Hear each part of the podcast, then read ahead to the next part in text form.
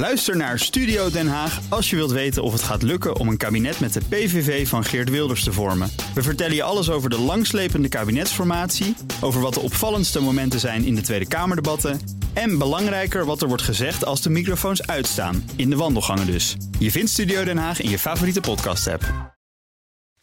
Postma in Amerika. Tijd voor het laatste nieuws uit Amerika met onze correspondent Jan Postma. Jan, om te beginnen, waar zit je precies?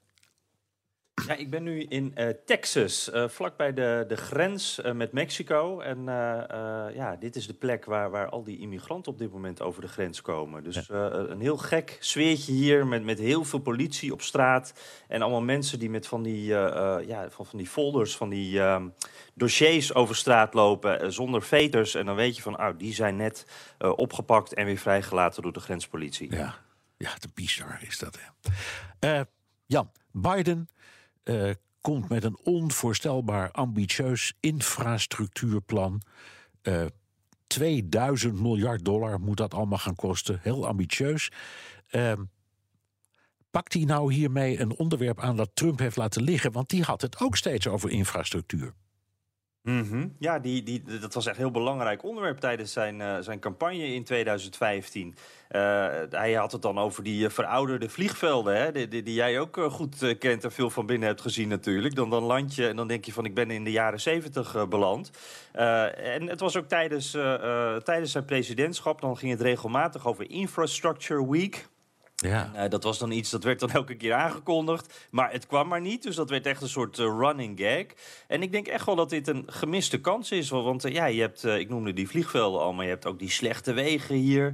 er zijn allerlei andere voorbeelden. De bruggen, die Amerikaanse infrastructuur staat op sommige plekken echt letterlijk op instorten. En daar is iedereen het ook wel over eens dat daar wat aan gedaan moet worden. Maar ja, het is ook lastig met die Republikeinen. Die, een deel daarvan wil eigenlijk geen geld uitgeven. En Trump wilde blijkbaar toch die strijd niet aangaan. Want hij heeft het niet echt uh, geprobeerd. Ja. En ja, nu komen we bij Biden, die het dus wel probeert. En die Republikeinen roepen nu natuurlijk nog veel harder dat ze dat geld niet uit willen geven. Ja. Uh, Biden wordt door dit plan vergeleken met Franklin Delano Roosevelt, FDR. En dat vindt Biden niet erg, hè Jan?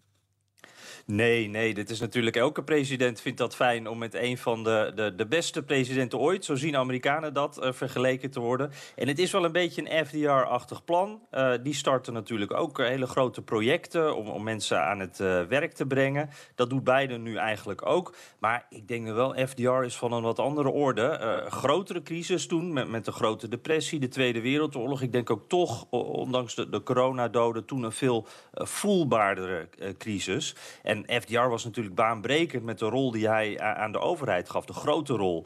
En ja, ik zei de FDR uh, daar staat eigenlijk altijd in, in de top drie beste presidenten als je het aan de Amerikanen vraagt. Dus daar is nog wel een lange vraag, uh, weg te gaan voor Biden. Maar Biden heeft het er zelf wel echt opvallend graag over, hoor, over FDR. Ja. Uh, hij noemt hem in, in speeches, uh, eventjes zo tussendoor.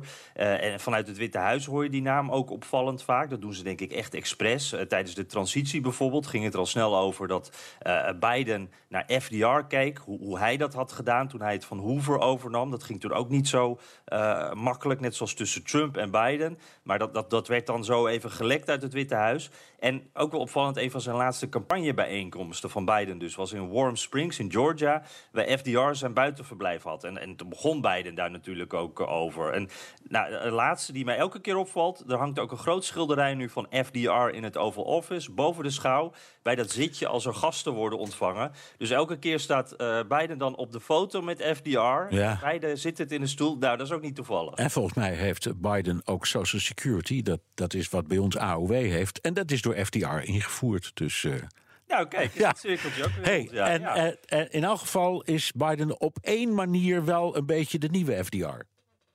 Ja, en dat is niet op de manier waarop uh, men, mensen verwachten, denk ik. Uh, Bidens hond, ja, we gaan het over zijn hond hebben. Major, die kwam in opspraak afgelopen week. Hij, hij, had weer iemand gebeten, was de tweede keer al. zou ook af en toe zijn behoefte doen in het Witte Huis. Nou, daar werd dan weer over geschreven door sommige Amerikaanse media. Biden heeft twee Duitse herders, Major dus en Champ, dat is de tweede. Um, en uh, ja, die major die moest al even uit het Witte Huis, omdat hij dus de vorige keer ook al iemand had, uh, had gebeten. En nu komt de vergelijking. FDR's hond, dat was ook een Duitse herder, net als, uh, net als Major. En die heette Major. En die beet onder meer een senator, een advocaat. Uh, dat was die advocaat die probeerde hem door het hek te aaien. Uh, een andere hond heeft hij nog gebeten. En hij had ook een hekel aan de Britse premier MacDonald... die op bezoek kwam in het Witte Huis... en, en daardoor bij die hond vandaan gehaald moest uh, worden. Ja, ja. Wat natuurlijk een beetje onhandig is. Ja. Dus de geschiedenis herhaalt zich een beetje. geweldig. Wat die MacDonald betreft had die hond trouwens geen ongelijk, hoor. Maar oké, okay. dankjewel. Vervelende man. Jan Posma, onze correspondent in Washington. Wilt u meer horen over dit fascinerende land? Luister dan naar de Amerika-podcast van Jan en mij. Die komt heel snel weer online. En tot zover BNR De Wereld. Terug Terugluisteren kan via de site, app Spotify of Apple Podcast. Reageren kan via een mailtje naar dewereld.bnr.nl. Tot volgende week. Ook Harm Edens vind je in de BNR-app. Je kunt BNR Duurzaam niet alleen live luisteren in de app, maar ook terugluisteren als podcast, zoals al onze podcasts. En naast dat de BNR-app Breaking News meldt, houden we je ook op de hoogte van het laatste zakelijke nieuws. Download nu de gratis BNR-app en blijf scherp.